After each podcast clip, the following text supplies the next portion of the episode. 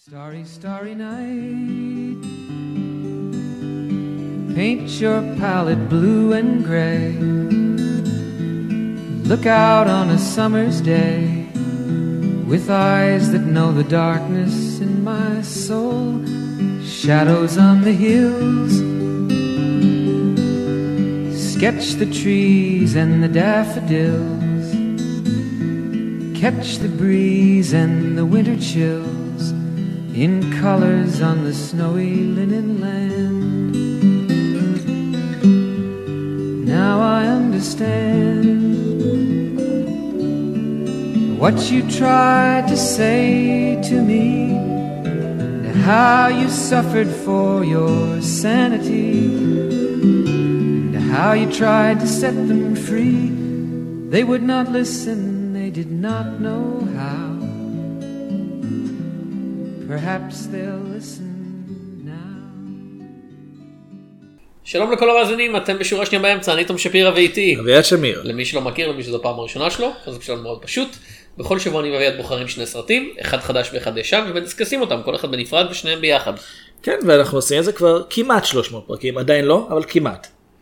שזה הרבה זמן. 299 פרקים. שזה הכי קרוב ל-300 שאפשר אם אתה סופר רק מספרים שלמים. כן, אה, אותם אפשר למצוא דרך דף הפייסבוק שלנו, חפשו שורה שנייה באמצע, איפה שאנחנו מעלים בכל יום חמישי פרק חדש, דרך אה, Podbean, Podbean.com, דרך iTunes ודרך ארכיון האינטרנט, internet-archive.com. ב iTunes אפשר גם לדרג אותנו, שזה בכלל כיף. ואם אתם נהנים מהשטויות שלנו, אני ואביעד מופיעים בעוד כל מיני מקומות, לדוגמה אביעד נמצא... יש לי בלוג שנקרא בשביל הזהב, שבו אני מעלה ביקורות לסרטים, תחזיות לאוסקר, דברים כאלה. יש לו עמוד פייסבוק, חפשו.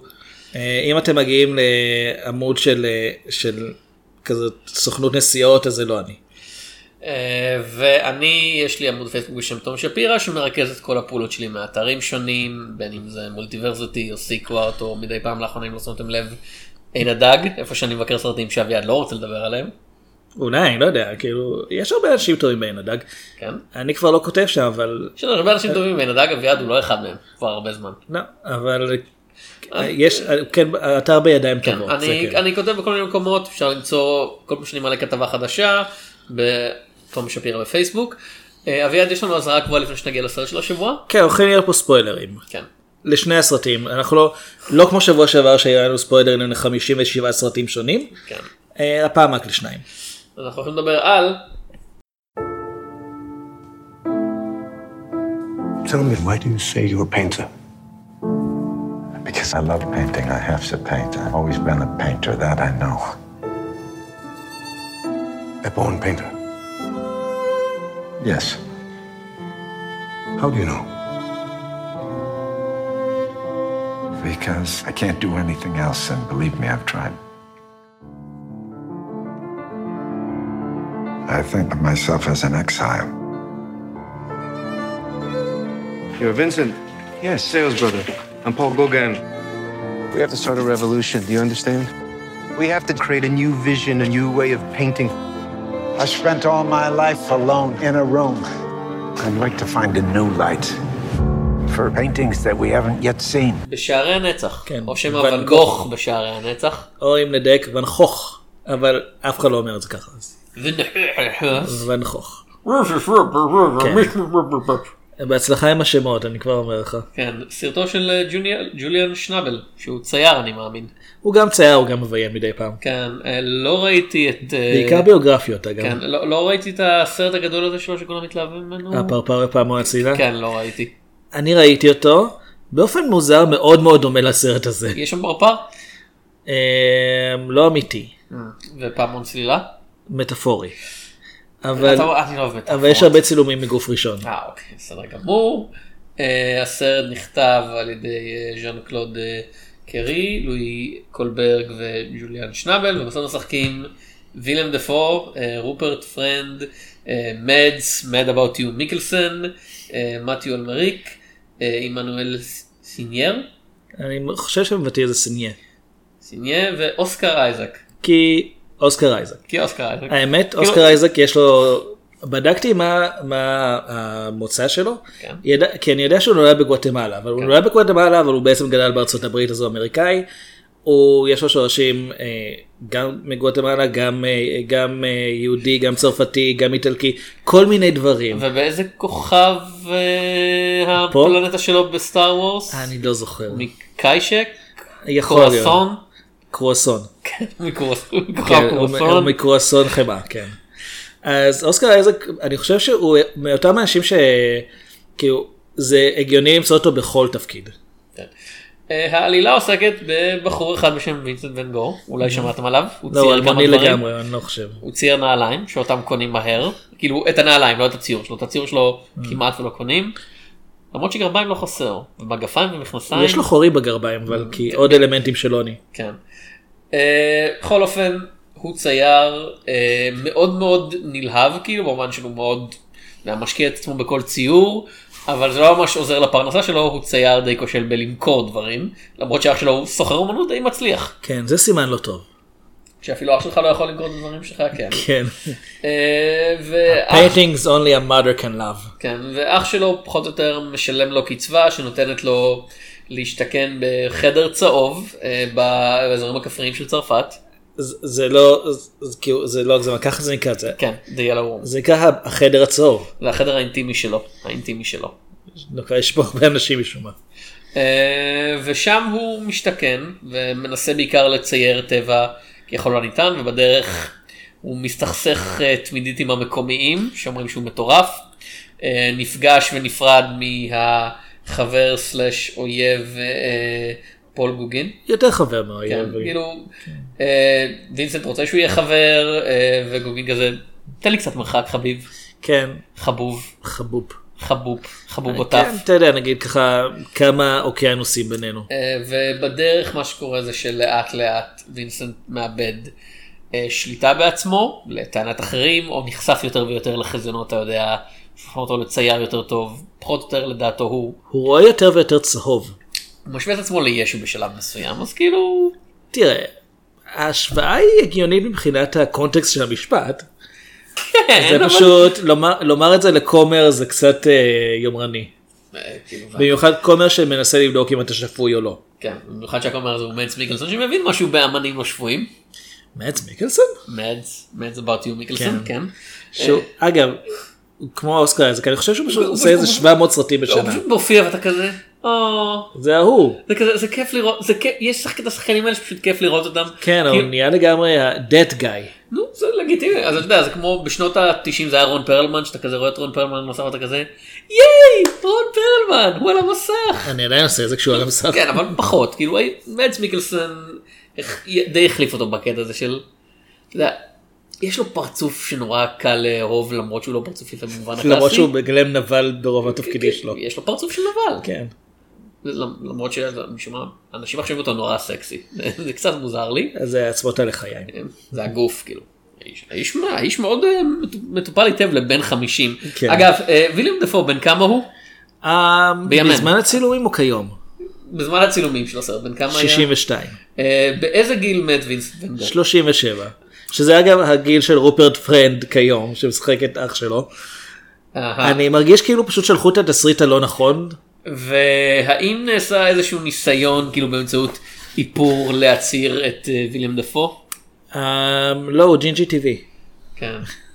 זה זה מאוד מוזר. זה נורא מסיח. וזה לא וזה לא שוויליאם דפו הוא שחקן רע, חס וחלילה. לא. כאילו, הוא שחקן נהדר. היסטוריה של הפודקאסט הזה תראה שאנחנו מאוד אוהבים את ויליאם דפו, אני אני חושב שהוא אחד השחקנים הכי טובים בהיסטוריה אפילו, אבל אבל אבל הוא לא בן 37. הוא לא נראה, הוא לא...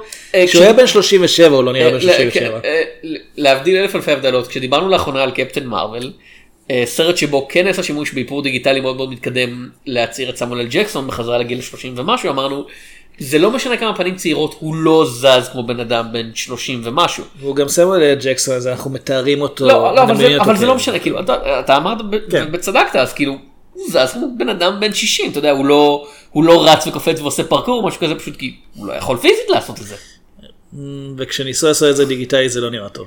כן, ו- ופה זה כזה, אמ, זה תמיד נראה כאילו מנותק מאנשים סביבו, וזה אמור להיות, הוא אמור להיות מנותק מאנשים סביבו כי הוא חווה משבר נפשי, וכי הוא רואה את העולם אחרת לגמרי מהם, אבל זה מנותק מאנשים סביבו פשוט כי בתקופה שבה הוא חי, הוא, רוב האנשים בגיל הזה כבר היו מתים, כאילו זה כזה, אוקיי, הגעת זה- לגיל 60 אתה אלדר סטייטסמן. זה לא, זה גם, כל הרעיון שוואן גוך בחייו היה די אלמוני והוא היה אה, מאוד תמים יחסית ו- ושאפתן ונורא רצה ככה לפרוץ סוף סוף ולהיות כמו הגדולים ומתייחסים אליו ככה בסרט גם בתור מישהו שהוא עדיין צעיר חסר ניסיון שלא כל כך מבין עדיין איך העולם עובד. אוסקר אייזק מרצה לו על כזה, אתה יודע איך העולם, כן. ו- ולין דפו כזה, אני יכול להיות אבא שלך? כן, כן. האמת זה מגניב. כאילו, בוא בוא נוסיף לאוסקר אייזק עוד קצת אה, שורשים. סבא, הוא- הוא יהיה סבא, אה, איך קראו לו סבא של משפחת אדמס? לא היה סבא, היה רק סבתא. לא היה סבא. כן. הסבא כנראה וויליאם דפו בסרט של משפחת אדמס, בתפקיד כלשהו, זה מרגיש נכון. זה מרגיש נכון. אולי זה יקרה. כאילו, לא לא בסרט החדש. לא. אה. אוקיי. אני, אני לא בטוח עד עכשיו מהדעה שלי על בשערי הנצח, זה סרט שמנסה אה, במידה כלשהי של הצלחה לפחות אפשר להגיד לתאר עד כמה שזה נשמע יומרני את נפש האמן. כאילו זה באמת סרט על בן אדם שנבלע בתפיסת העולם של עצמו וכל פעם שמישהו שהוא לא אתה יודע אמן אחר מנסה לתקשר איתו אפילו בגלל שאמנים אחרים הוא כזה. הוא לא באמת יכול לדבר איתם כי הוא כל כך שקוע בלהביע את עצמו באמצעות אומנות וכשבן אדם מנסים לתקשר איתו הוא תמיד כזה חצי איתם. אתה יודע הוא יכול להביע תאווה מינית למישהי אבל זה לגמרי ברגע ש... בקטע של אני, אני יכול לשכב איתך? אפשר לשכב איתך? זהו זה נגמר? אפשר אני יכול לחזור לצייר? יופי. הרבה פעמים זה כי הוא רוצה לצייר אותה יותר משהוא רוצה לשכב איתה. אה, תש- הסרט נפתח בזה שאנחנו רואים את נקודת המבט שלו והוא ניגש לרועת אה, צאן אה, כן. כפרית ואומר שהוא רוצה לצייר אותה והיא מאוד מבולבלת איש זר ניגש אליה פתאום רוצה אנחנו לצייר חוזרים אותה. לסצנה הזאת שוב באמצע הסרט, כן. הוא פחות או יותר מכריח אותה אה, לשכב על הרצפה והיא מתחילה לצרוח ואז השקעת. וזה הקטע שבו אני, אתה יודע, מרים אה, גבה בתהייה. עכשיו, אנחנו רגילים לסרטים על המחיר שאומנות גובה מאמנים. אה, אחד מהדברים שיש עליהם הרבה דיונים בשנים האחרונות זה באמת המחיר שאמנים גובים מאנשים סביבם. כאילו המחיר הרגשי של גאונות לא מהאמן עצמו אלא אתה יודע, האמנים שמתגלה שהם היכו את אשתם או ניצלו אותה מינית או אתה יודע התעללו בחברים שלהם. אה, בסרט השני שנדבר עליו היום גם יש דגש על העניין הזה. אה, כן, וכזה, אנחנו לא רואים מה קורה. ויש מין כזאת תחושה מוזרה של הסרט כל כך תקוע בנקודת המבט שלו, שהוא לא מסוגל להבין, לעצור רגע ולהגיד, אוקיי רגע, אבל מה באמת קרה לאנשים סביבו? כשיש לנו את הסצנה, יודע, יש קטע שבו אה, וינסנט מואשם בזה שהוא צבע, צובע את הפנים בשחור ומפחיד את ילדי הכפר. הסרט לא מראה את זה, הוא זוכר את זה גם. הוא לא, הוא, לא, הוא לא זוכר את זה, הוא טוען שזה המצאות שממציאים עליו, והסצנה היחידה שראינו לפני זה, היה של קבוצת ילדים בטיול שמטרידים אותו. ולכן מה שהסרט פחות או יותר אומר זה, זה הגזמות או שקרים או זה לא באמת משנה, הם הפריעו לו. זה מאוד הגישה של הסרט של זה לא שהוא לא היה חולה נפש זה שהוא לא היה מסוכן כמו ש... הוא לא פגע באף. אחד, תעזבו אותו לנפשו, אתם, אתם הבעיה. אתם התקשורת כן, כן. או ה- לא יודע הדיון הכפרי הפאנל כן. הכפרי לא יודע. ו- ו- ו- אתה יודע, אני מסתכל על זה ואני קצת, יש מקום לדיון קצת יותר נרחב אני חושב בסרט, או אם אתה הולך, וזה לגיטימי לגמרי שהסרט אומר לא, אנחנו, אנחנו הסרט על וינסנט ון גור מנקודת מבט שלו, אבל תכירו בזה שיש נקודות מבט אחרות, והסרט כל כך מעריץ אותו, שהוא לא יכול להתנתק מזה, ואני משווה את זה אה, לסרט הכי טוב שאי פעם ראיתי על ציור, סרט שביקרנו בפודקאסט בימים המוקדמים, את מיסטר טרנר, שגם היה, אתה יודע, הוא חרש של בן אדם ואין לסרט שום כן, בעיה עם כן, זה. הסרט במיסטר טרנר זה היה כזה, לא, הוא, הוא, אתה יודע, הוא מתעלם מאשתו, הוא מטריד מינית את העוזרת שלו, והסרט לא כזה, לא, אבל זה בסדר כי הוא היה גאון, או היה לו בעיות, זה כזה, לא, הוא פשוט, היה לו, היה לו כוח להן אז הוא עשה את זה ולא היה אכפת לו. והעובדה שהוא מצייר יפה, אתה יודע, הוא מצייר יפה, זה, הסרט לא אומר כזה, זאת ההצדקה. ופה זה כזה, כאילו מה לעשות, כאילו, חבר'ה, האיש היה, האיש היה כמו ישו, הוא אומר את זה לכל טוב ווילם דפו גילם את ישו. כן, זו הסיבה שלי. כן, אז אז זה הפיתוי כן. האחרון. זה הפיתוי אחרי האחרון. ותקשיב, הציורים, יודע, אני לא, אני לא חובב של אומנות מהסוג, כאילו חובב, אני לא, אני לא מתכוון שאני מבין באומנות מהסוג הזאתי, הציורים האלה מאוד מאוד יפים, כשהסרט מציג אותו מצייר, האקט עצמו של הציור מצולם לרוב מאוד מאוד יפה. באופן אהבתי הווילן דפור מאוד אה, השקיע גם בהכנה לתפקיד והוא למד איך לצייר כמו שוואן גוך צייר. כן, אתה יודע, לא משנה אם הוא עושה סקצ'ים או אם הוא צובע, והדרך שבה המצלמה ממש ממש נכנסת בקטעים האלה לתוך הידיים שלו, אתה יודע. וכשהוא, אתה יודע, הוא ממהר כל כך ללכוד את הרגע. זה מאוד מאוד מרשים, זה מאוד מאוד יפה, אבל יש מעבר לציור, אתה יודע, בן אדם, והבן אדם הזה חי בחברה והסרט כזה... לא, החברה הזאת קיימת כדי לאפשר את, את וינסנט ון גו וכל דבר אחר שהיא עושה זה מיותר ובזבוז זמן. זהו, אף אחד לדעתי בעולם המערבי לא אומר שווינסנט ון גוך לא היה צייר משפיע והרבה גם יגידו שהאמנות שלו מאוד יפה. אני גם מאוד אוהב את הסגנון שלו, שהוא בהחלט שונה ממה שהיה מקובל באותה תקופה, אה, אבל הסרט הוא קצת הולך קצת לדעתי יותר מדי רחוק בהערצה כי אנחנו יודעים שהוא אומן טוב. אנחנו לא יודעים אם הוא היה בן אדם טוב והסרט די פשוט אומר ברור שהוא היה בן אדם טוב בן אדם לא טוב לא היה יכול ליצור את האמנות הזאת וזה גישה כל כך כמו שאמרת מיסטר טרנר אה, וגם בעוד סרטים נגיד פרידה שגם אה, גם סרט שעוסק באמנות ככלי ביטוי אבל לא אה, אבל לא מתוך הערצה לאישיות אלא ראינו סרט, ליכולת שלנו. ראינו סרט על ואן גור. ראינו זהו ראינו דיברנו כשדיברנו על מיסטר טרנר השווינו אותו לתאווה לחיים כן, שזה, עם קירק דגלס שזה לא סרט טוב, זה היה סרט מאוד לא. מאוד מיושן ומאוד מאוד זה, אבל... שהוא גם הוא יותר מדי כנראה נובע מתוך הרצון להוציא את ואן גוך כגיבור. או אבל- אה, דיברנו לא מזמן כל כך על הסרט על הקפלה הסיסטינית, על אה, איך כן. קראו לסרט הזה?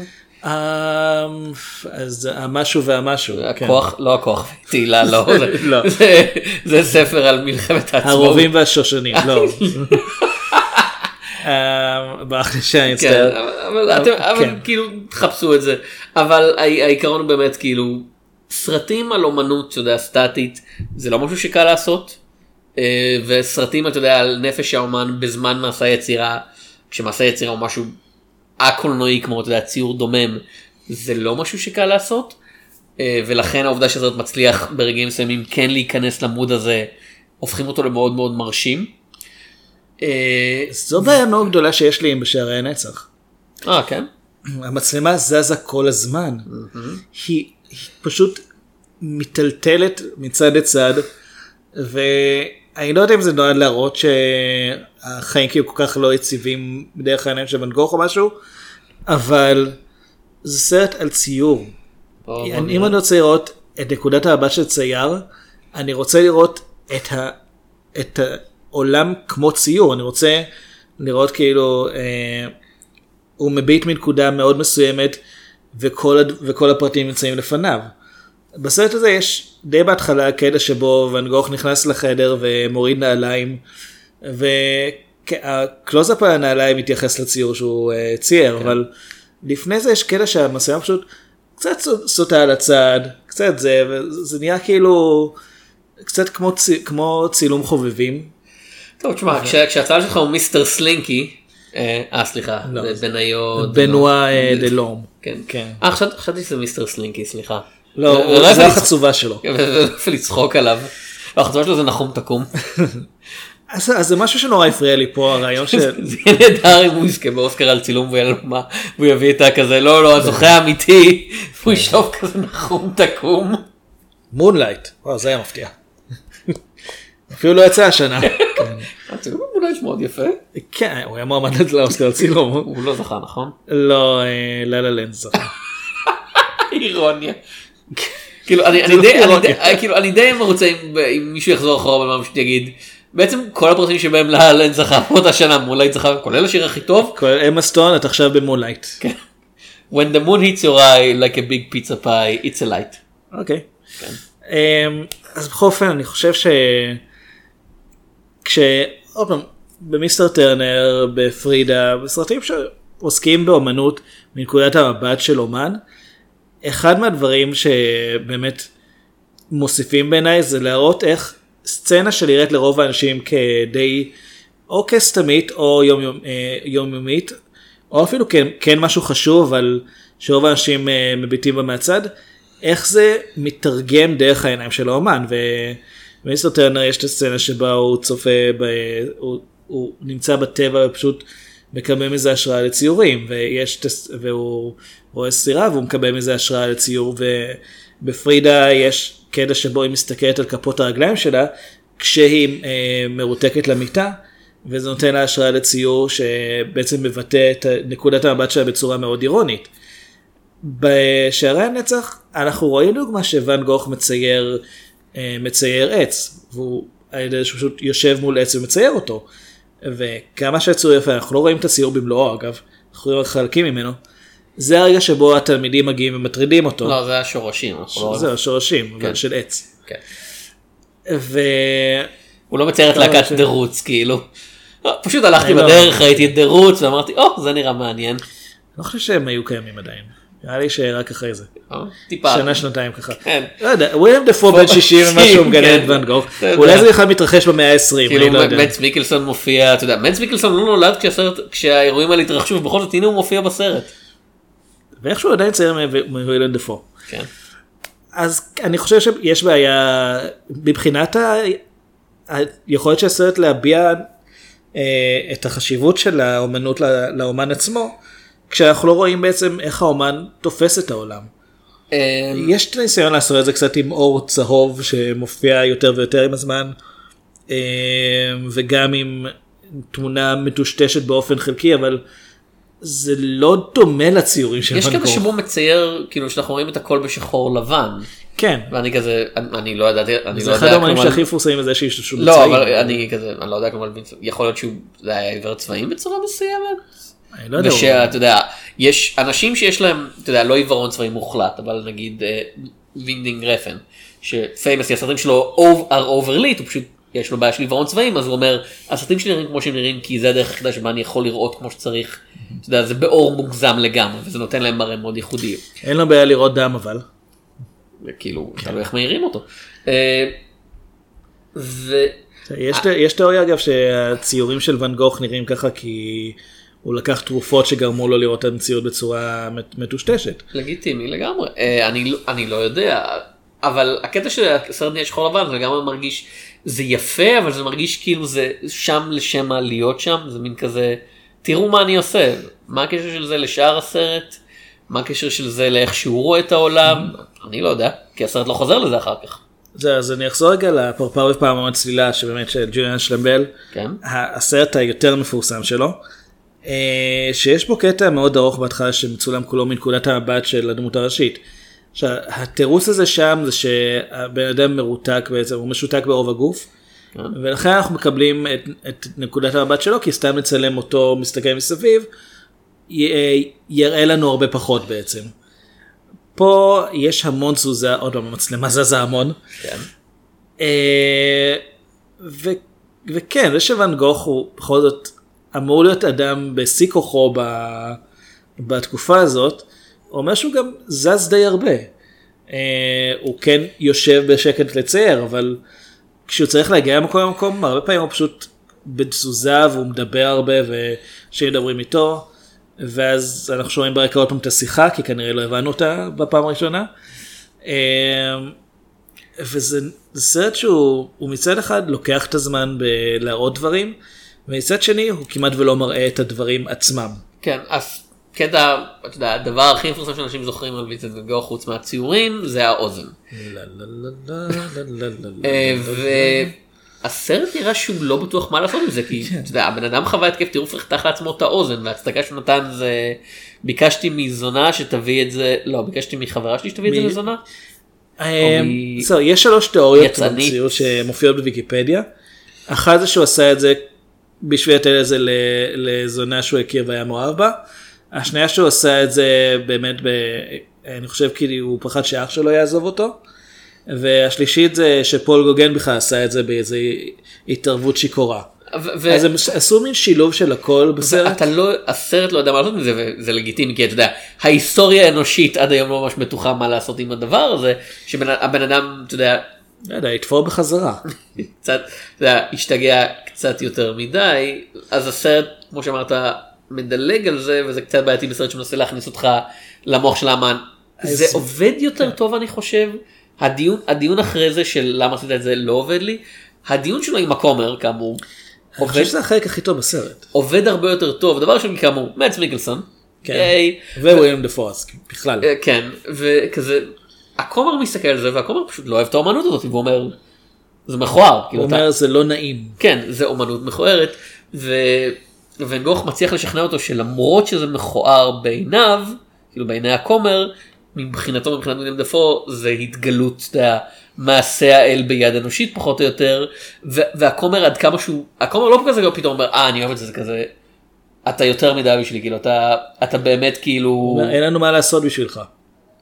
כן אבל זה כומר, לא ציינו, זה כומר שנמצא בבית חולים לחולי נפש, והוא כן. בעצם זה שמחליט אם לשחרר מישהו או לא. כן, זה כומר סלאש פסיכיאטר. ו- ולא ברור כאילו אם הכומר באמת כזה אומר אין לך שום תקווה לא נוכל לעזור לך או שהוא אומר אלוהים אדירים כאילו אני, אני באמת נתקלתי במין כזה נביא והסיבה שאני לא מסוגל להבין את זה זה כי רוב בני אדם לא מסוגלים להבין נביאים כי נביאים מדברים את דבר האל ובני אדם לא מסוגלים להבין את דבר האל. לי נראה שהוא לא חושב ככה, אבל הוא כן אז הסרט מבחינתו... משחק על הספק הזה. זהו, מה שוואן גוך עושה בסצנה הזאת, שזו הסיבה שאני אוהב את הסצנה הזאת, כי רוב הסרט יש הרבה דיבורים כן. על למה, למה הוא מצייר ככה, או למה הוא מרגיש ככה, אבל זו הסצנה היחידה שבה אנחנו ממש מקבלים תיאור של איך הוא רואה את העולם. ולמרות שזה לגמרי רק שני אנשים מדברים ואין שום אה, טריקים של מצלמה פה, שום דבר חוץ מלציין את מאץ מיקלסון כך שהוא, זה שם קשה, אתה יודע? מה מאדס מיקלסון? כן, מאדס תגיד את זה מיקלסון. שלוש פעמים מהר. מאדס מיקלסון, מאדס מיקלסון, מיקלסון. כמעט. מגה מיקלסון. כן, Mega Man. מה Power Rangers. אז חוץ מלצלם אותו ככה שהוא מסתיר את האוזן של וויליאם דפו כי קצת התקמצנו על האיפור. כן. אה, אין כל כך טריקים של מצלמה פה. ואנחנו כן מקבלים באמת שיחה מעניינת. ה- הכומר אומר, אני צריך, אני צריך לשמוע אותך מדבר כדי להחליט אם אתה צריך להישאר פה או לשחרר אותך. וואן גוך מתחיל לספר לו, הוא קודם כל הוא באמת, הזכרנו קודם, הוא משווה את עצמו לישו אבל לא במובן של אני הגואל של האנושות או משהו, אלא במובן של אה, גם, אה, גם ישו היה אלמוני רוב, אה, אה, הוא אומר כל חייו, אני חושב ש... יותר נכון לומר רוב חייו, אה, אבל רק אחרי שהוא מת בעצם אנשים התחילו להתייחס אליו כ... כמשהו. אה, והוא אומר ש... והוא מאמין שיש סיבה שאלוהים נתן לו כישרון לציור, והוא מאמין שהוא צייר טוב כי הוא לא טוב בשום דבר אחר. אני מאמין שכל הסצנה הזאת היא התייחסות לאחד הסצנות הכי מפורסמות בהיסטוריה של הקולנוע, השוטר אזולאי שמדבר עם המפגינים הדתיים. Um, טוב, אם זה היה ביידיש זה היה טוב באמת.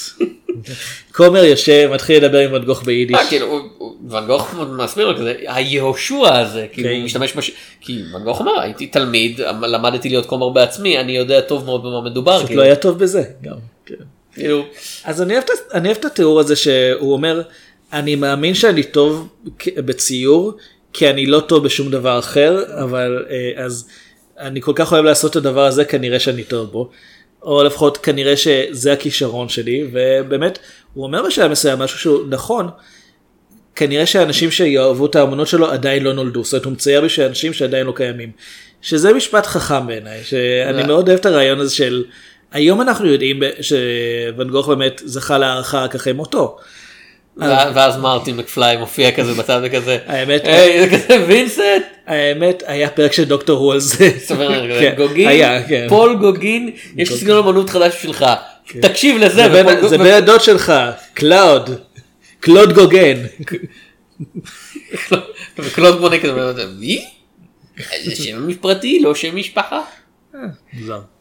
מיכאל אנג'לו זה דונטלו מצבי הנינג'ה הבדיחה הזאת איבדה שליטה לגמרי תקשיב לזה כן. זוכר שרצית פרק שחצי ממנו יהיה בדיחה על צווי הנינג'ה? תקשיב לזה. תקשיב לפרק הקודם שבו עשינו את ה... אנחנו צריכים לזכור איך קוראים לסרט ההוא. כן. The Access and the Agony. Act- יפה. או- הפוך. אגוני the Ecstasy, כן. כן, כי ככה רוב האנשים מתארים. האגוניה והאקסטזה. שזה סרט שהיה בו מעט מאוד אגוניה ואקסטזה כי זה היה עם אה, בכל זאת עם אה, באמת מה שמו מעשרת הדיברות. אה, משה. כאילו דיבר, דיברנו דיברנו על נציגים אלוהים אבל אה, כן, צ'רלטון אסטון. עם צ'רלטון אסטון שהוא שחקן הוא בעצמו האקסטזי. לא אבל כאילו אתה יודע זה, זה הסגנון הלימודי הקלאסי שבו גם ה, היסורים הם כל כך כזה מישהו קורע חולצה במלודרמטיות ופה זה כזה. פה זה באמת מרגיש כמו ייסורים של מישהו שלא מסוגל לשלוט בעצמו ולא בטוח אם זה טוב או רע ונאבק בזה. ובאגוני נקסט זה סרט שדי אהבתי זה מאוד אתה יודע, זה מאוד מלודרמטי ומאוד מאוד בימתי כזה. מה שאהבת אותו לא בגלל זה אלא כן. יותר בגלל האגוני פחות בגלל האקסטזי. כן, אהבתי בגלל האפיפיור שם. היה לו- היה לו אחלה. כן רקס הריסון. כן. אמ, אז כן, את Eternity's Gates. הבעיה היא שבדיוק כשהוא נהיה מעניין אחרי השיחה הזאת הוא פחות או יותר נגמר במין כזה ואז הוא מת. כן איך הוא מת? או לא כמו שאתם חושבים. אז זה הקטע שבאמת הפריע לי. זה- והתשובה שלי הייתה אני לא חושב אני- אין לי מושג על כאילו מה התיאוריה המקובלת ומה התיאוריה הלא מקובלת. התיאוריה המקובלת זה שהוא התאבד. הגיוני בהתחשב במה אומר שראינו לא. עד עכשיו כן. כן. אה, הגיוני גם בהתחשב ברוב הראיות הקיימות. היה שיש תיאוריה שבעיקר אנשים שמאוד אוהבים את ואן גוך ואתה יודע איך זה הרבה פעמים מעריצים מסרבים אה, להאמין שלא היה איזה משהו מעבר. אוקיי. יש תיאוריה שמקבלת פה ביטוי שלפיה אה, מה שקרה שני נערים פה אומרים שגם היו לבושים כמו קרבויים כן. כי למה לא אה, ששיחקו עם אקדח בטעות ירו בו ואז ברחו ו, אה, והשליכו את האקדח למים או פשוט העלימו אותו. אה, זה לא לילה של קפלנד. אני לא בטוח. אני די זה נשמע כמו לילה של קפלנד. אבל מה, ש... מה שבעצם נעשה פה זה ניסיון לנקות. במרכאות את ואן גוך מאשמה במוות של עצמו, למרות שהסרט אומר שהיו לו בעיות נפשיות, הסרט אומר שהוא היה מיוסר, שהוא היה מאוד מתוסכל מזה שהוא לא מצליח אה, לפרוץ כאמן, ובאופן כללי, כן, דיכאון זה דבר שקיים. התאבדות זה דבר ש... שהרבה אומנים אה, לפחות, לפחות שוקלים אותו ברצינות. זה, והסצנה נראית מוזרה יותר עוד פעם בגלל שוויליאם דפו הוא בן 60 והילדים האלה נראים כמו בני 16-17 וזה היא גם זה מוזרה. מקבל אלמנט סופר קריפי מהעובדה שכזה מה הוא עשה איתם בכלל הוא לא נראה כאילו אמור להסתובב איתם הוא בקושי נראה כאילו אמור להיות ליד. פול גוגין ופה זה כזה למה למה הם משחקים לידו בנשק חם הסרט פשוט תוקע את הסצנה הזאת מולך ואם אתה לא אתה לא מכיר את התיאוריות ואת הרעיונות האלה אתה כזה הוא עושה את זה כאילו, המחשבה המקורית שלי כשראיתי את הסרט זה כזה הוא אתה יודע הוא פשוט הוא מת איכשהו זה לא משנה כן. איך והוא הזה הוא הזה את הדבר המוזר הזה בתאווה לחיים כשדיברנו עליו. כן אה, אוקיי, ספוילר לסרט אה, שדיברנו עליו בפרק אחר. לאירוע היסטורי כן. כן. אה, שם עוד פעם לא אין התאבדות. אבל זה יותר בגלל התקופה שבה הסרט נעשה שאני לא יודע אם זה בגלל קוד הייז אבל בעיקרון סרטים בהוליווד לא הראו את הגיבור מתאבד. אה, אלא כזה כדי להציל אה, להציל אחרים. או זה ישו. לא ישו היה מותר. אני חושב שהוא, שהוא מת כדי להציל אחרים, אני חושב שזה חלק מהרעיון, כאילו, אה, זה, זה, זה די מנטרה אצל חלק מהאנשים. כן. אז, אז פה אין סיבה מסוימת לא לעשות את זה. אה, אפילו אומרים, וואן גוך לא זוכר, הוא, כאילו, הוא לא זוכר מה קרה, אבל אנחנו כן שומעים אותו מתאר את זה ב voice over.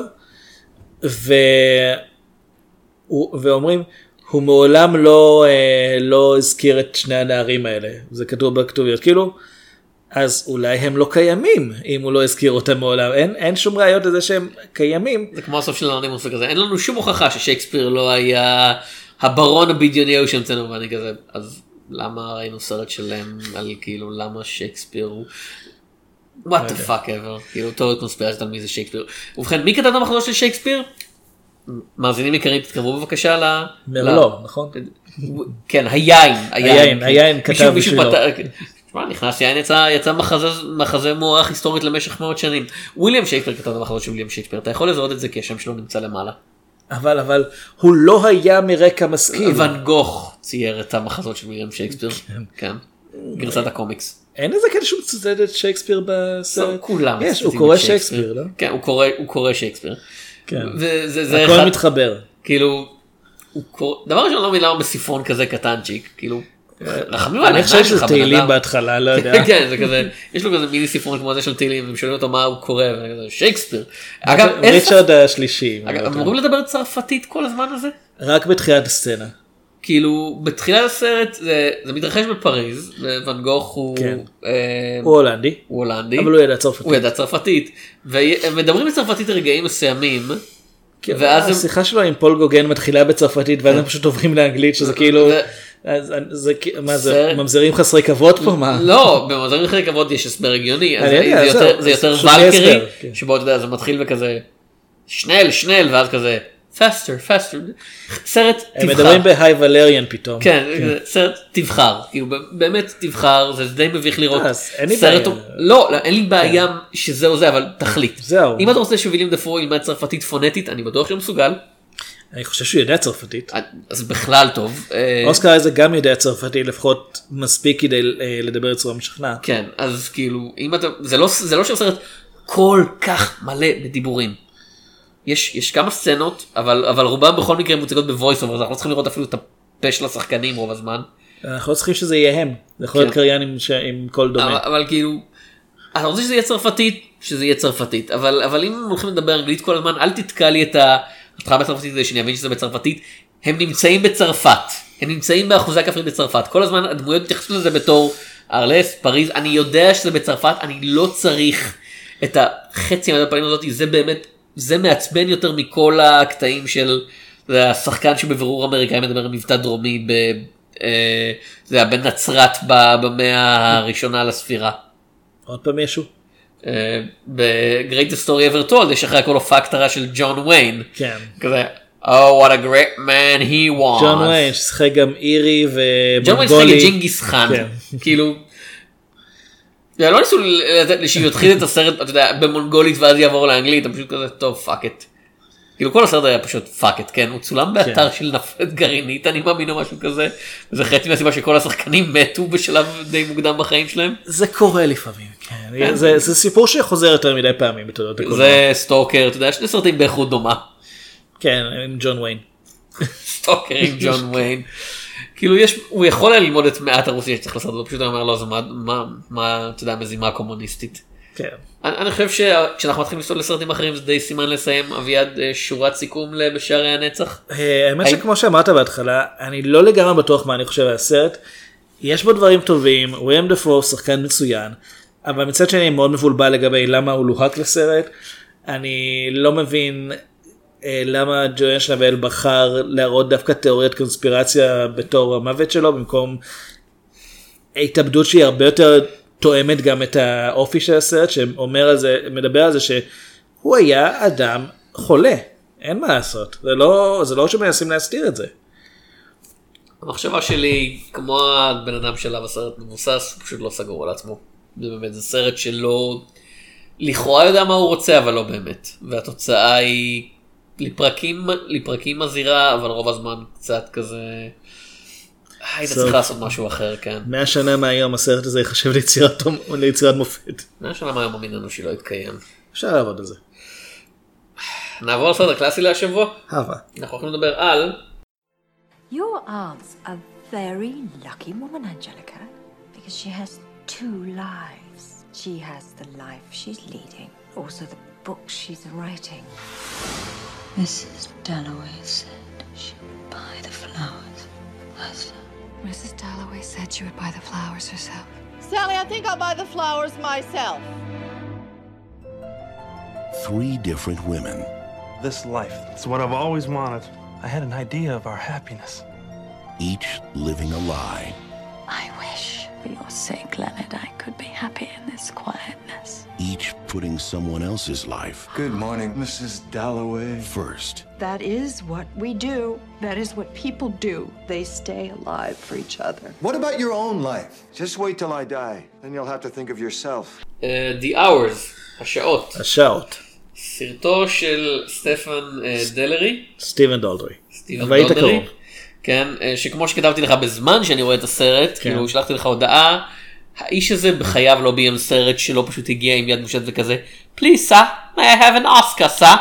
כן, הוא הבמאי היחיד בהיסטוריה ששלושת הסרטים הראשונים שלו היו מועמדים לאוסקר על בימוי. זאת אומרת, הוא היה מועמד על בימוי שלושת הסרטים הראשונים שלו.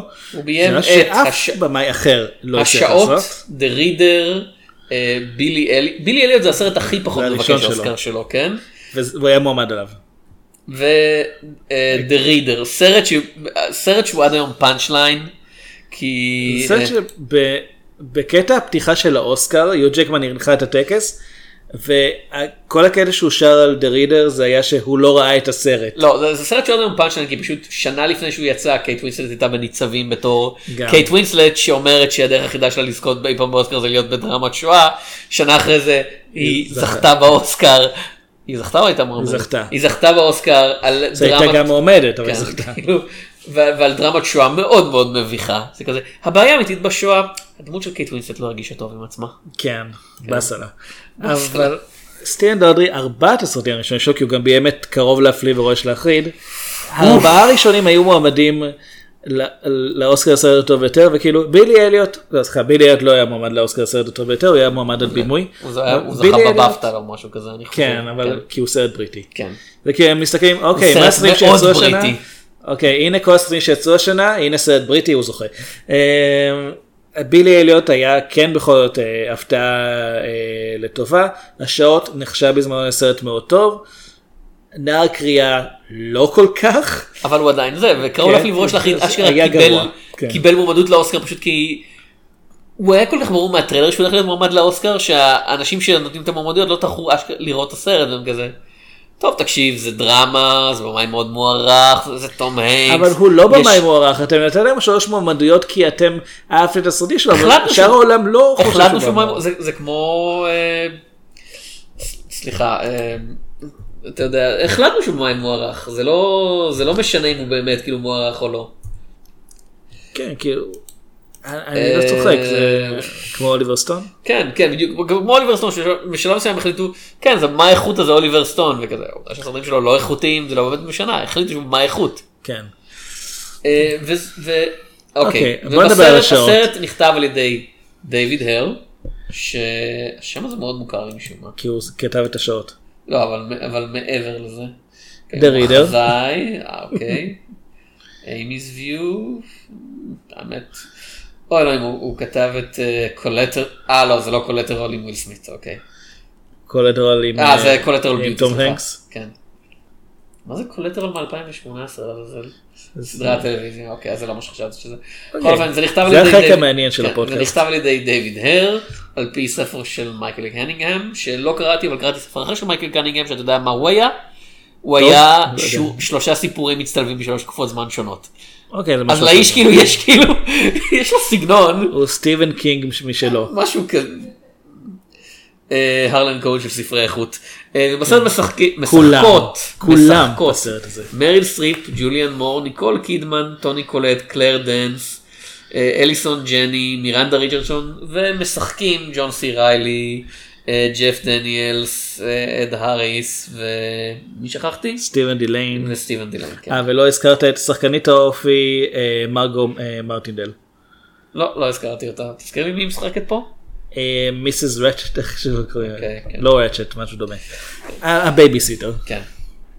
לא, הבייביסיטר זה סרט של מקג'י אביעד, אתה מבלבל. זה לא היה מועמד אין אין לאוסקר. סרטים של מק ג'י, את כולם לקחו ממנו באמצע ונתנו למישהו אחר לערוך. אה, בכל אופן, הסרט מתרחש בשלוש נקודות זמן שונות. בשנות ה-20, בשנות ה-50 וב-2000, תחילת שנות ה-2000. אה, בשנות ה-20 הסופרת וירג'יניה וולף מתמודדת עם דיכאון ועם חוסר היכולת של בעלה ליאונרד לעשות משהו בעניין, בזמן שהיא מתכוננת למסיבה, פחות או יותר אפשר להגיד. כן, אתה יודע, מסיבה כמה שהיא יכולה. זאת לא מסיבת גן. אה, בשנת 1951 אה, בעלה של לורה בראון, דן בראון, אין קשר לסופר. אולי, אני לא יודע. הכל, הכל כזה, אני הולך לעבודה יקירתי לכתוב את רב המכר, מלאכים ושדים, תום הנקס ישחק בו. Hmm, אז זה יהיה מועמד לאוסקר. זה לא היה לא, מועמד מועמד לאוסקר. לא. יש שלושה. סרטים כאלה, אתה גם מבין? אפילו להם יש סצנאוטים. וכזה, הס- זה סרטים אוקיי, שהרוויחו לא- הרבה כסף והם לא לא. כזה- הוא לא כזה גרוע, אבל לא, לא אבל זה. כזה, סרטים שהרוויחו המון כסף והם לא קיימים, אתה שואל אנשים על הסרט של מלאכים ושדים ועל צופן דה וינצ'י והם כזה, אה, אה, היה לתום הנקס תספורת מוזרה, נכון? זה הדבר היחיד שאנשים זוכרים. איילת זורר הייתה באחד מהם. כן, זה רק אם אתה בישראל, בכל אופן. אה, לורה צריכה להשגיח על הילד הקטן שלהם, אה, ריצ'י. באג, או באג. כן.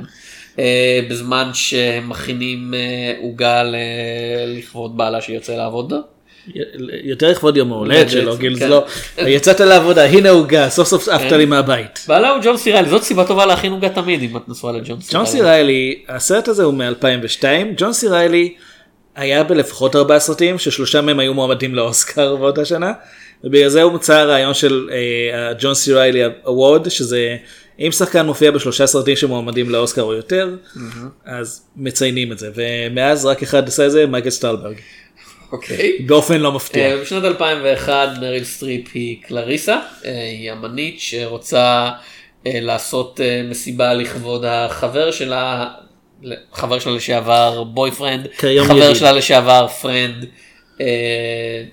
ריצ'ארד שמצידו לא ממש רוצה לחגוג בעיקר כי יש לו מחלה סופנית. כן, איידס. כן, ו- והוא לא הולך לשרוד הרבה זמן.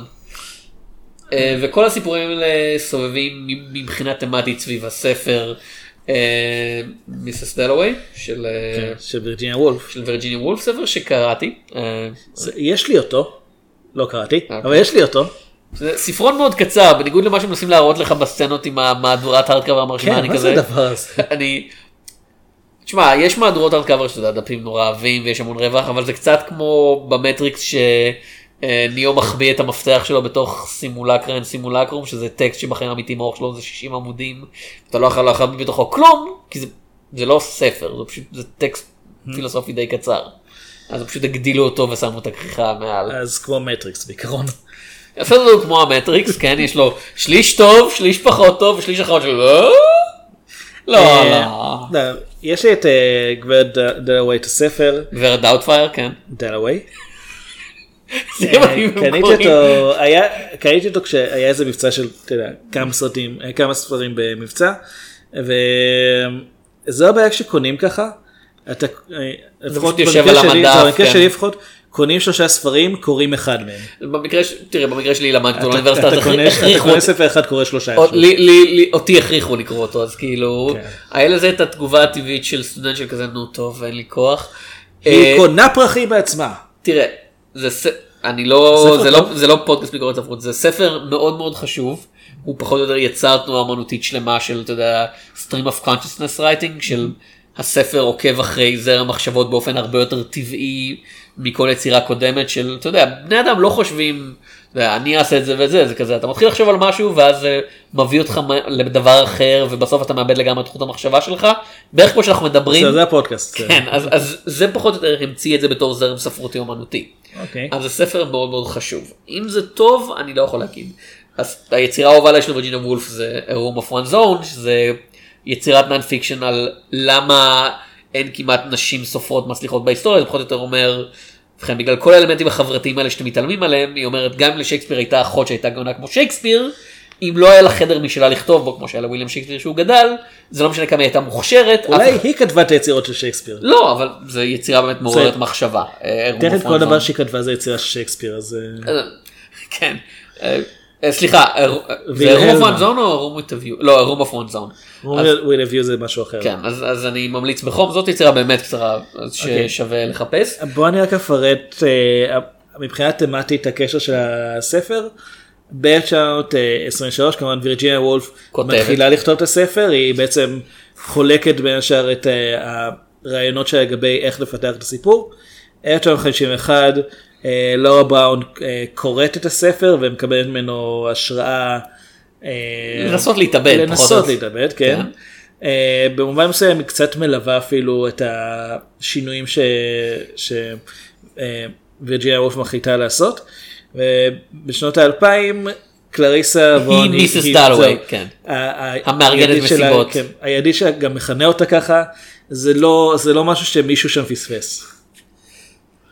כן, אני קורא לך ככה על שם אמא שלי שניסתה, אה כן, הטוויסט הגדול, וזה באמת סרט שזה מוזר לך, צריך להגיד, אזהרת הספוילר חשובה פה, הטוויסט הגדול הוא שהחבר שלה, אה, ריצ'י, הוא הבן של הדמות של אה, ג'וליאן מור מה...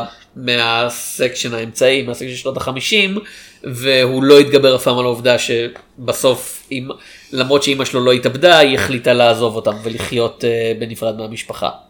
יש פה, אה, אמרת את זה לפני שהתחלנו להקליט, אה, זה מהסרטים שבאמת באופן נדיר הם ממש מציגים נקודת מבט נשית שזה מעניין כי זה נכתב בידי גבר ובוים בידי גבר על פי ספר של גבר. והופק בידי ויינשטיין. מי? איזה ויינשטיין אחד. ארווי ויינשטיין. כן, כן. אה, בשנה. מאוד חזקה מבחינתו למועמדות באוסקר וכנראה לדברים אחרים. כן, כאילו הסרט נפתח עם לוגו של אה, עם הלוגו של מירה מקס אני חושב, "הו, לא זכרתי את זה. אוקיי, זה זה כמו שאמרתי על אה, מיסס דלווי הספר שזה מבחינתי יותר ספר חשוב מספר טוב. אני לא כל כך אוהב את השעות בתור סרט ואני אפרט למה אבל עד היום כאילו בשנת אנחנו בשנת 2019 סרט שהוא כל כולו על נשים כאילו אה, שבו אתה יודע, שלוש הגיבורות הם נשים והסרט עוסק במבט נשית והסוף שלו הסוף שבו אנחנו מגלים ש... אה, שלורה עזבה את בעלה כדי לחיות את החיים שלה והיא אומרת זה עצוב לי מה שקרה להם אבל אני לא מתנצלת שהחלטתי לשים את האושר שלי לפני האושר שלהם. זה לא משנה אם אתה מסכים איתה או לא זה משהו כל כך נדיר לראות כי אנחנו רגילים בסרטים לראות שוב ושוב את הרעיון שאישה מקריבה את עצמה בשביל האושר הגברי מקריבה את העצ... לא בהכרח את החיים שלה אבל את העצמאות שלה ואת הזה אני לא יכול מנסה יותר צבועה מבינה שזה מה שהיא צריכה. כן. אה, ופה זה כזה אתם יכולים להגיד לא זה איום ונורא שהיא עזבה את הבת שלה ואישה נוראית שהחלטה החלטה החליטה את ההחלטה הזאתי אבל זה מאוד אמ- זה מאוד אמיץ עד היום כאילו שהסרט פרוטו יותר אומר זה, זה מה שהיא החליטה כאילו, כן. ד- deal with it. ו... אז- אז כן זה די יצר שרשרת אירועים ש... היא לא הייתה יכולה לדעת. לא אבל. אה, אחד מהדברים שאנחנו כשהיא מופיעה בסרט זה באמת לקראת הסוף כשהיא מופיעה אז אה, גם בת הזוג של אה, של קלריסה וגם הבת שלה נמצאות בדיוק בדירה והיא שואלת ככה בשקט זאת המפלצת כי ככה הן ככה היא תוארה להן בתור המישהי הזאת שהיא עזבה את היא עזבה את ריצ'רד כשהוא היה ילד ככה היא תוארה על ידי הגבר. כן אה, גבר שהוא הבן שלה אבל. היא עזבה אותו כשהוא היה ילד ואנחנו רואים שהוא היה מאוד מאוד קשור אליה. בצורה קצת מעצבנת אפילו אני חייב לומר. כאילו, היא משאירה, אותו אצל אה, בייביסיטר כדאי לך להתאבד אבל אבל אבל והוא כזה ישר כזה אמא אמא. Jesus kid shut the fuck up. הוא הרגיש שמשהו לא בסדר זה שהוא כל כך וואו. דוד. כן. שחרר שחרר. אד האריס שחרר. ואד האריס כזה אני לא צריך את זה אני פולוק. אתה פולני? וכזה לא אני האמן פולוק מתי יצא הסרט? פולק? שנה לפני זה אני חושב. שנתיים שנתיים לפני. הוא כנראה שמר את הקיט כאילו כזה היי אתם רוצים לדרג אותי בתור אמן עצבני זה נהדר אני יש לי עדיין את החליפה יש לי עדיין את הסטודיו. רק שבסרט הזה הוא כל הזמן חלוק. אולי הם חלקו פה? אני לא לא ראיתי את זה זה. היה סרט מאוד מלוכלך אתה יודע הוא זורק צבעים. אני לא ראיתי את פולו כזה אני לא יודע. אחת המחשבות שלי הייתה להשוות את זה ל... אני גם חשבתי לא ראיתי אותו אז לא ידעתי עד כמה הוא מתאים. וגם הנקודה שבעצם להשוואה פה הייתה הרעיון של אומן. מיוסר. כן. אה, וזאת הבעיה שלי עם הסרט כי זה זה כן זה סרט על דיכאון אבל אה, כש... יודע, אגוני and the זה, זה באמת דוגמא טובה בקטע הזה של highs and lows שהאמן סובל אבל הוא לא סתם סובל ו, והתוצאה היא אתה יודע. זה, היה, לראות את השיא היצירתי של ואן גוך זה עדיין כזה לא משנה כמה הוא סובל זה עדיין רגע של התגלות יופי. פה פשוט הדמויות סובלות לאורך כל הסרט זה כזה זה סרט נורא מלנכולי ואיטי ויש כל הזמן את. יש את הפסנתרן העצוב הזה שאני מניח יש לו הוא הפסנתרן האחד בהוליווד שמקבל כל הזמן כסף על. זה זה המלחין פיליפ גלאס.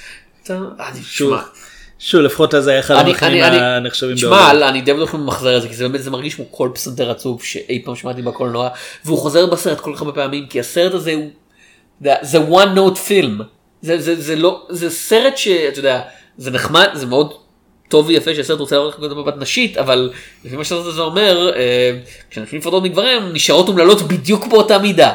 העובדה, העובדה שאתה יודע, שקלריסה עזבה את בעלה ואתה יודע מצאה מצאה עבודה בס- כספרנית בקנדה או משהו כזה מה אתה מדבר? על לורה. אה, כן לורה סליחה. קלריסה לא התחתנה כן, מעולם. אה, קלריסה Explains It All.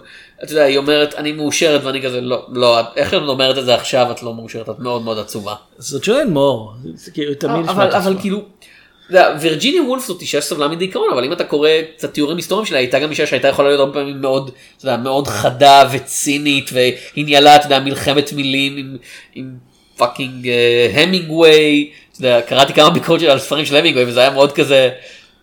למה זה לא סרט? אה, זה מאוד מאוד זה זה זה היה מעליב בצורה בצורה מאוד דורטי פארקרית מאוד משעשע ופה היא כזה לא היא עצובה ואז היא עצובה יותר ואז היא עצובה עוד קצת. אבל כן מציגים אותה כמישהי שהיא היא כן יש בה איזושהי שובבות תקרא לזה. אבל כל כך מעט זה, זה באמת תראה, אני חושב שהסרט עושה דבר טוב מהבחינה שהוא יותר מוצלח מ...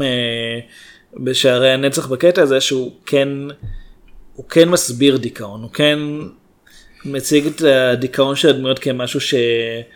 כמשהו שמבטא את תפיסת העולם שלהן זה לא סתם לא רק אומרים אה, הוא לא שפוי ולכן הוא לא זוכר מה קרה אבל אבל- טוענים שהוא עשה משהו רע אבל- פה זה ממש אה, תראה הבעיה היא שהדיכאון הזה הוא באמת הוא כל כך בגלל שהוא ענות אני לא קונה אותו ותשמע אני לא אני לא אאבחן את עצמי אני לא פסיכולוג.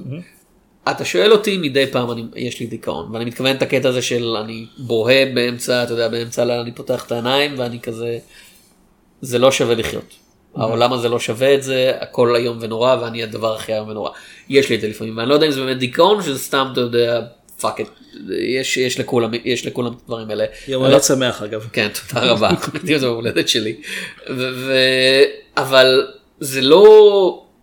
יודע, וזה יכול להופיע בשום מקום וזה יכול לשלוט בך, אבל זה לא אומר שאתה אף פעם לא מחייך. אפילו אם זה רק כדי זה לשקר לאנשים שאני מרגיש טוב, ופה זה על אנשים שכל, עוד פעם, הם כל הזמן תקועים במוד הזה, וזה זה מה שמעט, וזה כשאני אומר, הבמאי הזה נורא רוצה שתיתן לו פרסים, זה כזה, לא, לא, חס וחלילה, לעשות שמישהו יחייך בסרט, כי אם מישהו יפגין טיפת מגוון רגשי, לא ייתנו לי את הפרס הזה. תסתכל רגע על הפוסטר של הסרט. כן, ג'יזוס. הן נורא רציניות בו. הם נורא. יש, כאילו, מריל סטריפ סמי מחייכת, אבל זה חיוך של הג'וקר זה שחושב על להרוג, כזה, כן. חיוך של הג'וקר שחושב בדיוק על איך להרוג את בטמן. אוקיי. אה, לא בהקש- לא ב- בסרט הזה היא לא חושבת איך להרוג מישהו. זה כזה ש- שלוש נשים עצובות, כאילו, ו... כן. למרות שיש בסרט יותר משלוש נשים. יש הרבה נשים עצובות בסרט. כן, זה, וזה כל מה שהן, ואם אתה, אם המטרה שלך היא באמת להראות איזושהי, אתה יודע, אתה יודע, את החיים של אישה ש, שהסרטים האחרים לא יראו לך פשוט כי נשים אף פעם לא במוקד, אז מסתבר שנשים שנפלאות, עוד פעם, נשים שנפרדות מהגברים שלהם אומללות באותה מידה כשהם עם הגברים שלהם, זה לא באמת משנה, הן תמיד אומללות, הן אבל תמיד זה עצובות, אין הגיוני אם שום אתה רוצה לתאר השלמה. דיכאון. אבל כמצב, לא אבל כ- עוד פעם, הדיכאון פה הוא כל כך overwhelming, הוא overwhelming, כאילו הוא כל כך שולט בכל דבר בסרט הזה. זה והתוצאה לא- היא שעה וחמישים דקות של אומללות, ש... ו- והניס... ו... ולכן הניסיון של הסרט לאיזושהי התרה רגשית, הוא... הוא לא עובד, כי אני לא קונה שום התרה רגשית, כי יופי, היא מתאבדת וחמש דקות אחרי שהסרט יסתיים גם היא תתאבד וגם היא התאבדה. או משהו כזה. אז לא. כאילו, זה, זה, זה, זה התחושה שלי של כזה, לדמויות האלה אין שום סיבה להמשיך לחיות. אין להם שום סיבה להמשיך לחיות. יש להן. מה? משהו מחזיק אותן. אבל זה, זה בדיוק העניין פה, אני חושב, בעיניי זה דווקא עשוי בצורה נכונה, כי זה כן מראה, אה, זה כן מראה אה, דרגות שונות של דיכאון ושל ההתמודדות איתו. לורה רוצה, אה, מתכננת להתאבד, היא מתכננת אה, להשאיר את המשפחה מאחור, הולכת, ל, הולכת כשהיא בהיריון לבית מלון, שוכרת אה, חדר, לוקחת מלא אה, כדורים איתה. היא מבינה שהיא חיה ב American Beauty, והיא כזה... לא בדיוק, אבל אה, היי, מירמקס. אמ, איך קראו לסרט? Revolutionary Road?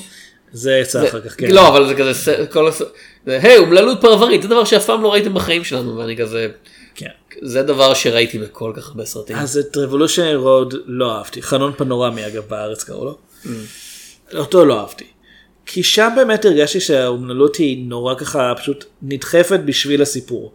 פה הרגשתי שזה הסיפור, שזה הרעיון, ועוד פעם, זה שלורה עומדת להתאבד ואז מחליטה שהיא היא מבינה שהיא לא יכולה לעשות את זה. זה לא כי היא הפסיקה להיות עצובה פתאום, או כי היא הבינה שיש לה בשביל מה לחיות, היא פשוט לא יכולה להביא את עצמה לעשות את המעשה עצמו. אה, בגלל זה בסופו של דבר היא עוזבת את המשפחה שלה, כי היא מבינה שהיא היא עצובה אבל זה לא זה לא מה שהיא יכולה פשוט לסיים ועוד אה, פעם, את ככה. זה- את העובדה שהיא עוזרת למשפחה שלה מאוד אהבתי. כאילו לא... לא לא את זה את המשפחה. את- שהילד את- מעצבן. הילד הזה מעצבן. הוא גדול יותר די אריסן פלא, כאילו, העובדה שהיא הלכה לחפש את האושר של עצמה ולא במובן ה... אתה יודע, הסלף-הלפ של המילה, אלא במובן של... אני גם- לא, אני לא בחרתי במצב הזה, הח- החברה הכריחה אותי למצב זה, הזה. זה, זה גם בכוונה מתרחש בשנות החמישים, כן. ב- אחרי מלחמת העולם השנייה, עם החלום האמריקאי של בית בפרברים, ושתי מכוניות, והגבר יוצא לעבודה והאישה בינתיים בבית אה, מסדרת ומכינה ומבשלת ומטפלת בילדים. הרעיון הזה, אה, לקראת סוף הסרט אנחנו אה, רואים אותם בארוחת הערב. ואחרי זה הם מדברים אה, והוא מספר לילד בסביב אה, שהוא כשהוא היה חייל במלחמה הוא זכר את הנערה הזו מבית הספר כל היום חשב עליה ואמר אני אתן לה חיים טובים. ועל זה כשאנחנו יודעים שהיא אנחנו יודעים שהיא לא אוהבת את החיים שאנחנו יודעים שהיא לא מאושרת. אחד הטריגרים לנסות להתאבד זה גם שיש להם שכנה שמגיעה ואומרת אה, לעבור אה, הסרת גידול מהרחם בבית חולים ולורה מנשקת אותה והתגובה של השכנה גורמת לה להבין שהיא כנראה יותר הרתיעה אותה מגרמה לה להתעניין בה. אה, יש הרבה עיסוק במיניות כדבר, אה, כדבר פלואידי בסרט הזה. ואני חושב שלפחות איך שאני הבנתי את זה בצפייה עכשיו, זה משהו שהיא בעצם מבינה שגם אם היא תנסה לצאת מהחיים שיש לה, גם אם היא תנסה להיות משהו אחר, משהו שהיא יותר שלמה איתו, זה לא יקרה איפה שהיא נמצאת. אה, בסופו של דבר בחדר השינה אחרי הארוחה והכל, היא בוכה בשירותים ובעלה בינתיים מדבר במיטה על כמה שהוא שמח, כמה שהיה, הוא אומר, היה לי יום ממש טוב היום. ואני חושב שזה, יש בזה משהו מאוד יפה בזה שכן זה עצוב, אבל זה סרט על עצבות, זה לא סרט שהוא עצוב. ושהוא לא. הוא לא מניאק, כאילו זה לא... אה, לעומת וירג'ינה וולף שאצלה באמת כל הזמן מבהירים שהיא ניסתה להתאבד כבר פעמיים לפני זה, בגלל זה הם עברו לכפר, אבל בכפר היא גם לא מאושרת. ובעלה מתעקש כן. ממנה בסצנה, באחת הסצנות האחרונות שלהם ביחד, שלא משנה, את מאוד חכמה ואני מודה בזה, את לא יודעת מה טוב בשבילך, וזה עובד כי זה באמת כזה, והיא באמת הייתה חולה. כאילו, מצד אחד כן, היא לא יודעת מה טוב בשבילה, הוא גם לא יודע מה טוב בשבילה, אף אחד לא יודע מה טוב, אין פתרון קסם לדיכאון, כאילו אין, אין שום דבר שיכול להציל אותך, וואו, זה fucking מדכא, אני מדכא את זה עצמי. פרק מאוד שמח היום. תשמע, יום הולדת שמח. תודה רבה, יש לי יום הולדת ביום הזיכרון. כן, ערב יום הזיכרון. אה, בוא- לא, בוא לא ניסחף. תשמע, בתור שמאלני יפה נפש, גם המעבר ליום העצמאות זה לא כזה. לא אמרת שאתה גם גם בטוויטר אגב. אם אתם רוצים ל- לקלל אותי שמאלני, עם הרבה סמך כן, כן. את תום שפס, בבקשה. כן. שפס. אה, אז ולא כל כך דיברנו על קו הזמן של המודרני כאילו. 2001. 2001. אבל זה- זה- זה- מתי הסרט הזה יצא אגב? 2002. אוקיי. זה ממש יצא ספר אמרו אוקיי סרט כמו שאמרת. כן. זה ממש סרט לאוסקר. אה, גם עם צוות השחקנים שלו גם עם זה שלקחו אוקיי. במאי שהיה בדיוק שם חם גם הארי ויינסטין הפיק את זה ומאוד דחף. Sir, can I have another Oscar? ובסופו של דבר הוא זכה באוסקר אחד על שחקנית. כאילו עם כל השחקניות שם הוא היה כזה משהו. זהו האמת. הם התחרו אחד, היה מקרה של, הם התחרו כאילו אחד מול השנייה. לא כי ניקול קילמן אה, הייתה מועמדת כשחקנית ראשית אז ג'ואן מור כשחקנית משנה. לא חושב שיש להם בערך אותו זמן מסך. כאילו יש להם אותו זמן, זה העיקרון של הסרט, זה שכל. הדמויות האלה בעלות אותה חשיבות כאילו. כן וכולם ידעו שניקול קילמן הולכת לזכות. היה לה אף, כאילו היא לבשה אף, אה, המעשה הזה הוסף בצורה דיגיטלית. אה, כן? היה איזה סיפור שהסרט לא היה מועמד על האיפור בגלל זה.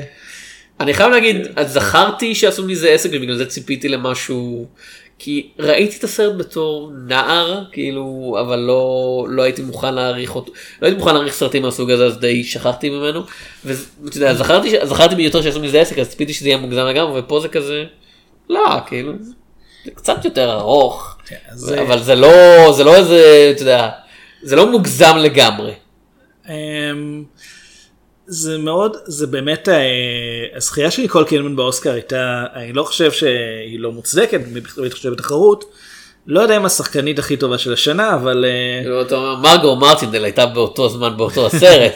שחקנית האופי מרגו מרטינדל, אני מבקש לציין בשמה המלא. טוני קולט, גם. טוני קולט שחקנית טובה, תפקיד מאוד קטן פה, אבל... כן, אבל זה... תשמע, אה, אם, אם אה, דיברנו על בנץ מיגלסון, אם דוקטור חניבל לקטר יכול היה לקבל, אה, אתה יודע, אוסקר על תפקיד ראשי כשהוא כן. בהופעה של 10 דקות.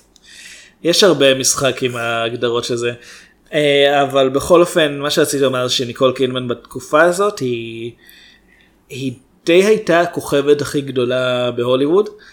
וזה כאילו זה התחיל רק שנה לפני זה כשהייתה במולן רוז' והשעות ואמרו פתאום היי היא יודעת לשחק, היא לא רק פרצוף יפה, היא גם שחקנית טובה. ואז הגיע התפקיד הזה שהקלישאה של האוסקר היא מכערת את עצמה, היא מופיעה עם... בדרמה היסטורית, כן, כאילו... של דמות ברית- דיכאונית, אה, בריטית. מבוססת על אדם אמיתי. כאילו זה באמת כל... כן. אתה- תיק של כל תיבה אפשרית לפרס אוסקר. והיא זכתה, ועוד פעם, מתחשב בתחרות אני חושב שהגיעה לה. אה, זאת הסתכלתי, היא הייתה מועמדת נגד רנה זלווגר על שיקגו, שהיא בסדר שם, אבל אה? לא אוסקר. ג'וליאן מור הייתה מועמדת כשחקנית ראשית גם על אה, הרחק מגן עדן. שיחקה שם אין לי טוב, שמץ של אבל מושג, זהו, אני לא זוכר שום דבר מהסרט זהו, הזה. שיחקה שם טוב, אבל מי, לא כל כך זוכרים את הסרט עצמו. זה רחוק מהעין ורחוק מהלב אפשר כן. להגיד. אה, סלמה הייק הייתה מועמדת על פרידה, שעוד פעם חוזר אלינו פה, שזה יותר מועמדות כי, היי, את, הדמות שלך סובלת. היי, את משחקת אישה כן. אמיתית ואת מכערת את עצמך ואת אישה מאוד יפה. בדרמה היסטורית. כן, ונדמה לי שדיאן ליין הייתה מועמדת על אה, Unfaithful שלא ראיתי. כן, דיאן ליין. אז, כאילו בהתחשב בתחרות הזאת, ניקול קידמן הייתה זוכה די בטוחה. ואני עדיין חושב שהיא היא משחקת פה טוב, אבל אתה יודע, זה כאילו, זה יותר סרט של, של אנסמבל, זה הדגש ששמו דווקא על המשחק שלה פה, לדעתי בזמן ש, כשהסרט יצא, גרם לאנשים די לפספס אה, עד כמה הדמויות מסביב הן, אה, הן חלק מהסיפור. כאילו, אין דמויות מסביב. הריס מצוין פה אגב. כאילו, אין, אין דמות מסביב, כמו שאמרת, זה סרט אנסמבל. אה, ואני הייתי שלילי לעשות את זה פשוט אני רק כי... עכשיו קראתי, רק בצפייה הזאת קראתי שאליסון ג'ני פה. אני לא, לא ידעתי שהיא זה- פה, אבל זה קשה לא, לפספס, היא, אתה יודע, 57 מטר גובה או משהו כזה. כשזה יצא היא לא הייתה כל כך מוכרת. אני לא ראיתי הבית הלבן. שנתיים כבר. אני לא ראיתי את הבית הלבן. סדרת ההיסטוריה האלטרנטיבית, הבית הלבן. אה, כאילו כן, האמת אד הריס זה מעניין כי אנחנו לא רגילים לראות אותו בתור מישהו כל כך אימושיונל, אד הריס בדרך כלל הוא כזה גרף. דיברנו לפני חודש בערך על גן בבי גן, ששם זה תפקיד הפוך לגמרי שלו. כן, כאילו אד הריס כמעט תמיד גרף ופה זה כזה לא מישהו לגמרי רגשי והוא כזה, והוא ממש טוב פה. הוא- הוא באמת זז כמו בן אדם הרבה יותר צעיר למרות שאד הריס נולד בגיל 47. כן. ואז הזדק- ואז הזדקן. ואז הזדקן עד גיל 56 ושם זה נעצר בערך. אה, אני לא חושב שזה סרט רע, כאילו, אה, זה לא כמו אמריקן ביוטי, זה באמת סרט שכולם אהבו לחוד- לעשרה חודשים ואז העשרה חודשים האלה עברו ומה לעזאזל עשינו? למה למה אהבנו את הסרט הזה? כמו. שאמרתי על אמריקן ביוטי בזמנו, כשדיברנו עליו, אני אף פעם לא אהבתי אותו, ואני חושב שהוא גם לא הזדקן טוב. זה אני חושב, זה באמת בגלל שאתה מרגיש את התחינה לפרסים, זה בהרבה אלמנטים מזדקן הרבה פחות טוב ממה שהוא רוצה להיות, אבל שוב, זה, זה עדיין, זה כל כך נדיר לראות סיפור כזה, שזה פשוט, זה, זה, מעצ... זה מגעיל שזה כל כך נדיר לראות סיפור כזה. אבל אני לא חושב שזה לבדו הופך אותו לסרט, וכמו שאמרתי, מבחינתי הוא כזה one note, ואני מרגיש הרבה יותר צורך לווריאציה בחיים של דמויות האלה, זה לא שהסרט חסר זמן, אתה יודע, הוא לא, הוא לא סרט מסיבי, הוא לא סרט קצרצר, ויש לך מספיק, אני חושב, מקום להציג יותר מהחיים של הדמויות האלה מעבר לעצבות. הסרט הוא כמעט שעתיים, כן. שאני חושב שהוא אה, בשערי הנצח באותו אורך לדעתי, כן. 110 דקות. ואיכשהו הסרט הזה מצליח לדחוס הרבה יותר.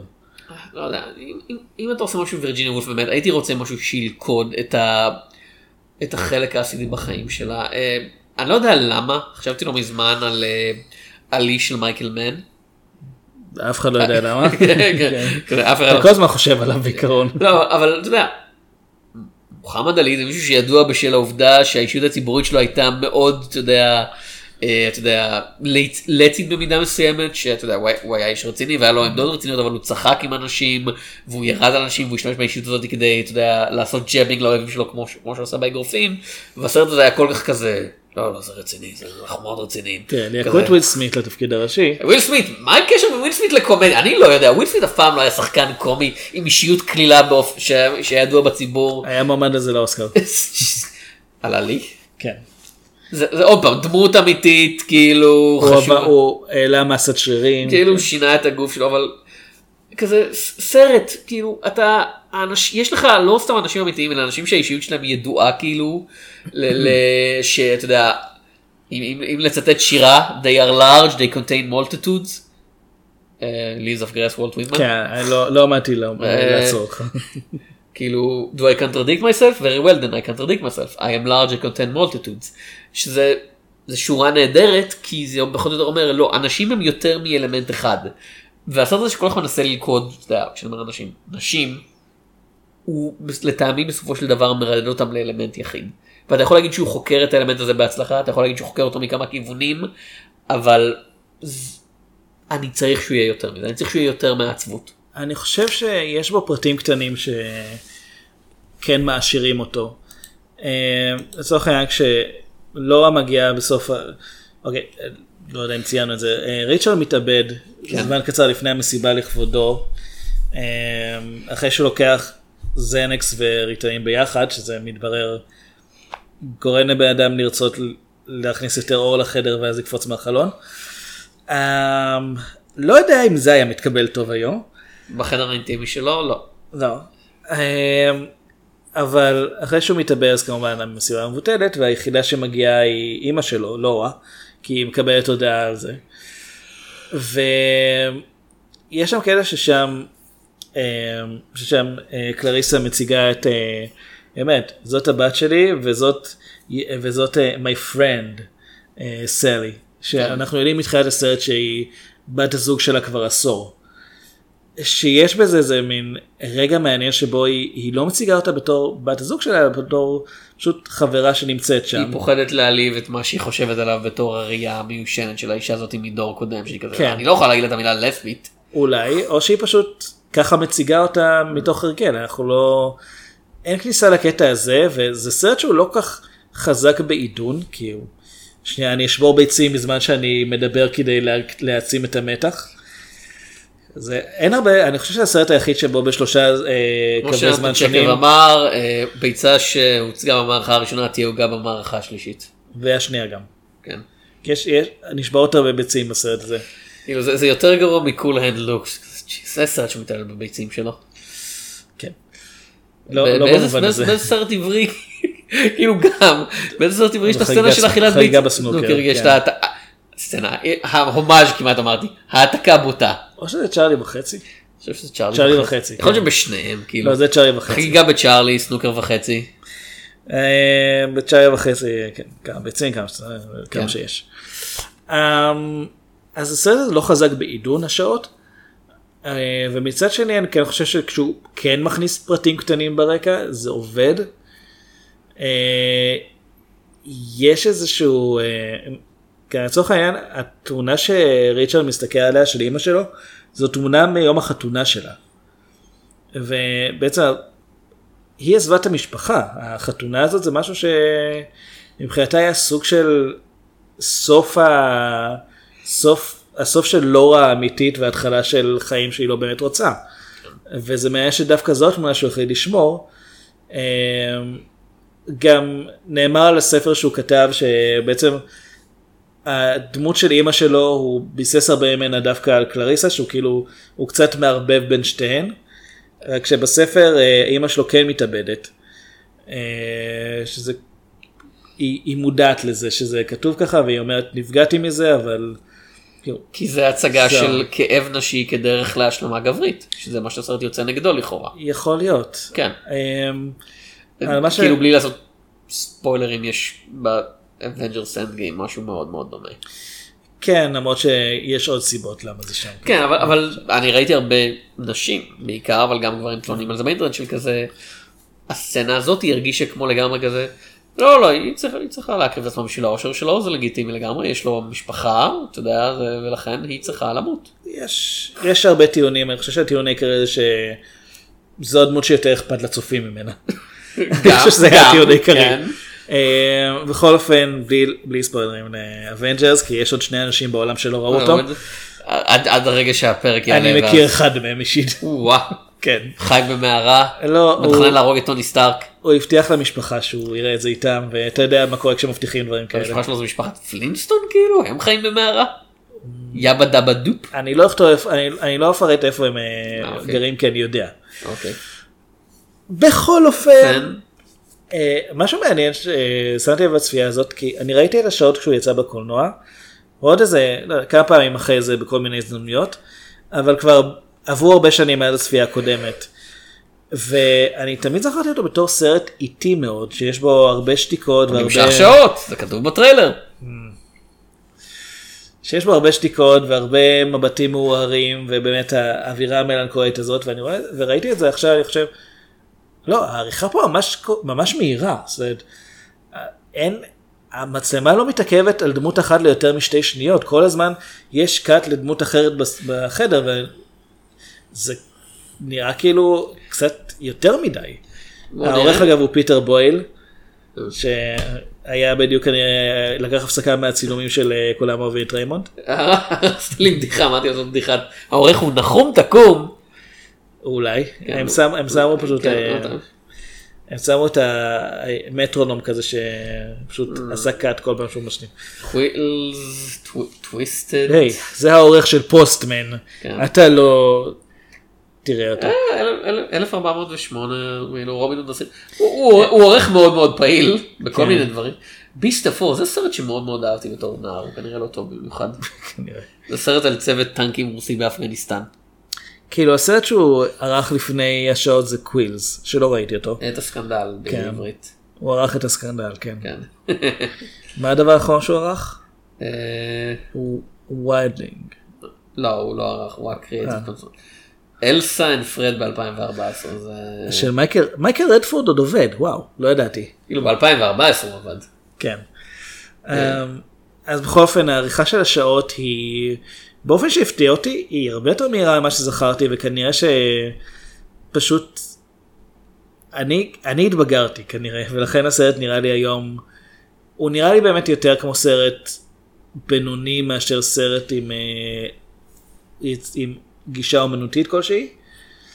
אה, וזה די נכון לגבי סטיבן דולדרי זה- באופן זה כללי. נכון- זה נכון להרבה דרמות, הדרמות זוכות הפרסים הגדולות שאתה כזה... אבל זה לא מפריע לי. לא, כן, זה מרגיש נכון ברגע, זה היה, אני זוכר הדעה שלך כשדיברנו פעם אחרונה על Finding Neverland, זה כאילו, לא שביקרנו אותו, אבל הזכרת ש... כן, בצפייה- מאוד אהבתי אותו בהתחלה. זה ו- זה היה סרט השנה שלך בשנה שבה הוא יצא, אני זוכר נכון? זו הייתה שנה חלשה, כן. וכשדיברנו, הזכרנו אותו בפעם האחרונה, אמרת כזה, כן, ס- אני עדיין חושב שהוא סרט טוב, אבל משהו השתנה גם בי. כן. אה, אני טועה, אולי אני צריך לראות את הכומר שהוא לראות אם הוא עדיין מחזיק, כי זה באמת אחת הדרמות האהובות עליי מהשנים האחרונות. תראה בשביל שתינו. אוקיי, בסדר. ראיתי אותו כבר איזה שלוש פעמים, זה לא סרט כזה ישן. כן, לא, אבל אתה יותר אהבת או, אותו. כן, ממני, אין שום ספק. אה, טוב, זה, אני חושב שדיברנו מספיק, דיברנו שעות. אם אני אוסיף את השירים ואת העריכה. כן. עד הפעם הבאה, אני הייתי תום שפירא. אני אביא את שמיר. עד הפעם הבאה, פגש פרק 300.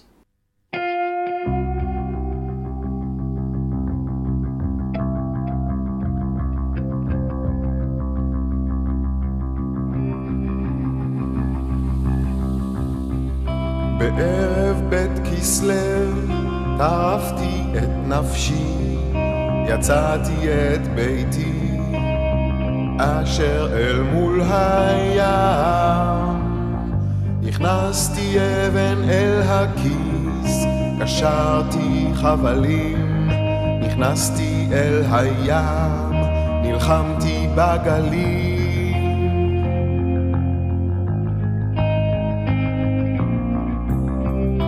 נפשי ביקשה רחם בתוך מערבולות, אבל אני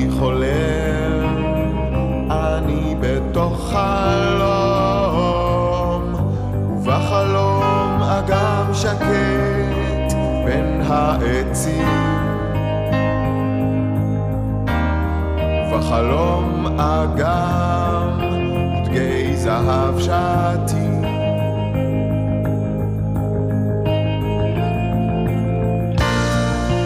יום אסוני הוא יום ששוני, ויום ששוני הוא יום אסוני.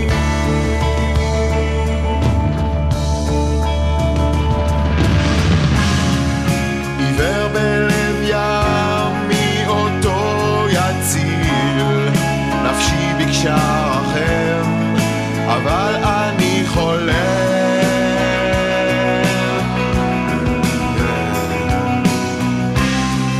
הידרדרה נפשי לפה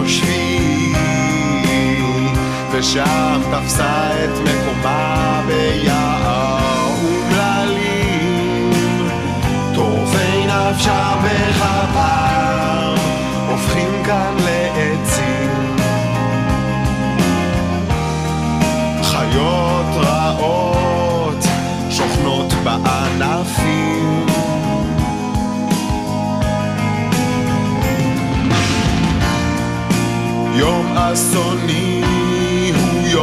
הוא יום ששוני, ויום ששוני